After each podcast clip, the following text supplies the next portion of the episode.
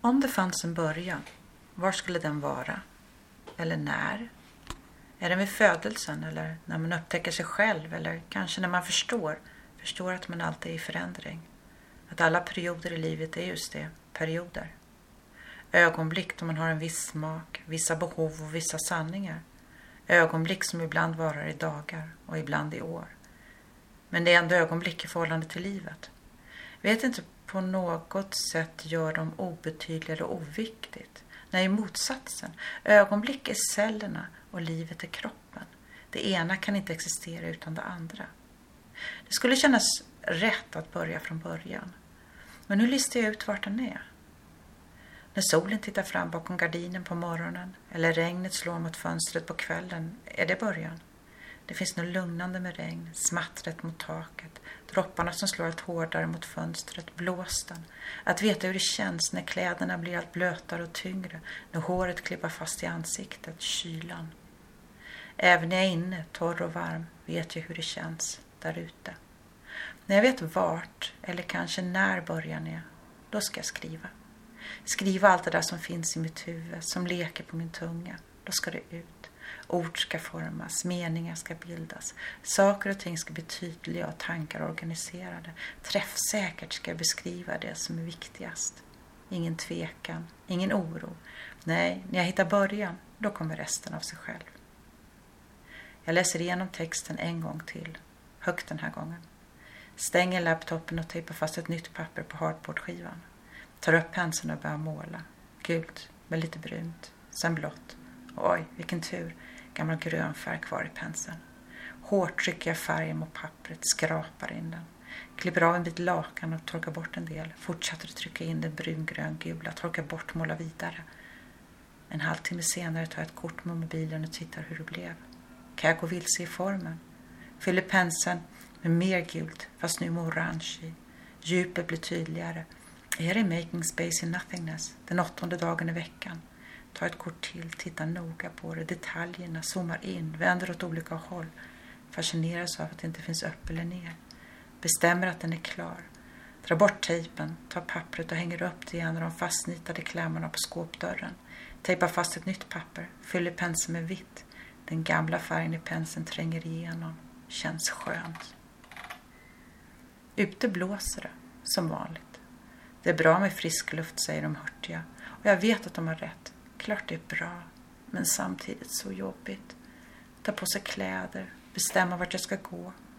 Fast belöningen är stor. Mindre ont i ryggen och mer energi. Dessutom vet jag att i huvudet fylls av underbara dagdrömmerier. Som att folk verkligen ser det jag målar, blir inspirerade. Kom igen. Hänger det smutsvita pappret i en klämma på tork. Går ner för trapporna. På med kläderna och ut. Varför tvekar jag? Lättja förmodligen.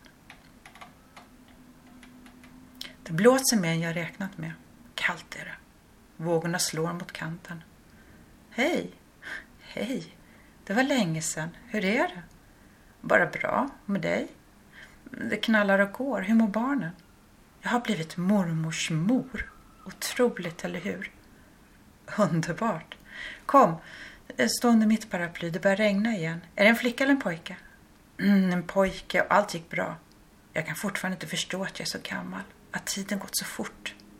Så kul att ses. Jag måste rusa. Ha det bra. Hälsa. Det gör jag. Ja, det var det. Du med. Min gamla granne springer iväg mellan bilarna. Regnet öser ner nu.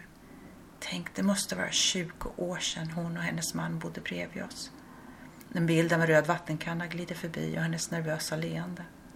Regnet är som en gardin och mitt stora paraply som en koja. Det Skulle vara dumt att röra på sig nu. Av någon anledning faller regnet rakt, verkligen spikrakt ner. Lustigt. Torr och varm mitt i regnet. Sekunderna tickar förbi, eller är det minuter? Regnet börjar avta och det, det känns nästan fel.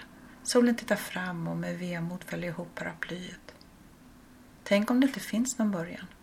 Tänk om allt är ett pussel. Ett ögonblick är lika med en pusselbit. På dataskärmen öppnas mappen keramik. Efter senaste städningen av foton för att frigöra mera minne till mera foton är allt en röra. Letar, Med fingret på musen. Där, pusselbitar. Det var länge sedan. Titta på den. De vita pusselbitarna och porslin i den öppna formen som i en korg eller ett famntag. Jag blir fortfarande glad när jag ser den. Den har den längsta titeln av alla. How wonderful it is that nobody need wait a single moment before starting to improve the world.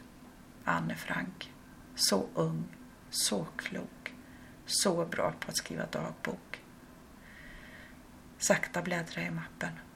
Den har ganska många bilder, uppifrån och ifrån sidorna. Den har ingen fram eller baksida. Den är ovalt rund i formen. Blundar och försöker känna hur det kändes när jag gjorde den. Det börjar med Anne Frank, en dokumentär tror jag. Sen googlade jag och helt plötsligt den där meningen. How wonderful. Och igen formar sina läppar till ett leende. How wonderful, how wonderful, how wonderful. Men varför gör vi inte det? Improve the world. Det var ett långsamt arbete att kavla ut porslinsmassan tunt, använda kakform som ser ut som en pusselbit, försiktig torkning och bränning. Behövs det långsamma tempot för att annars, annars hinner inte mitt huvud med. Undrar vad som skulle improve the world. Undrar hur många människor som tänker samma sak precis nu. Undrar hur många människor som tar tag och gör något. Undrar vad de gör. Mina händer har redan slutat tillverka pusselbitarna och börjat blanda olika leror. Vill skydda pusselbitarna, vill ge dem ett hem.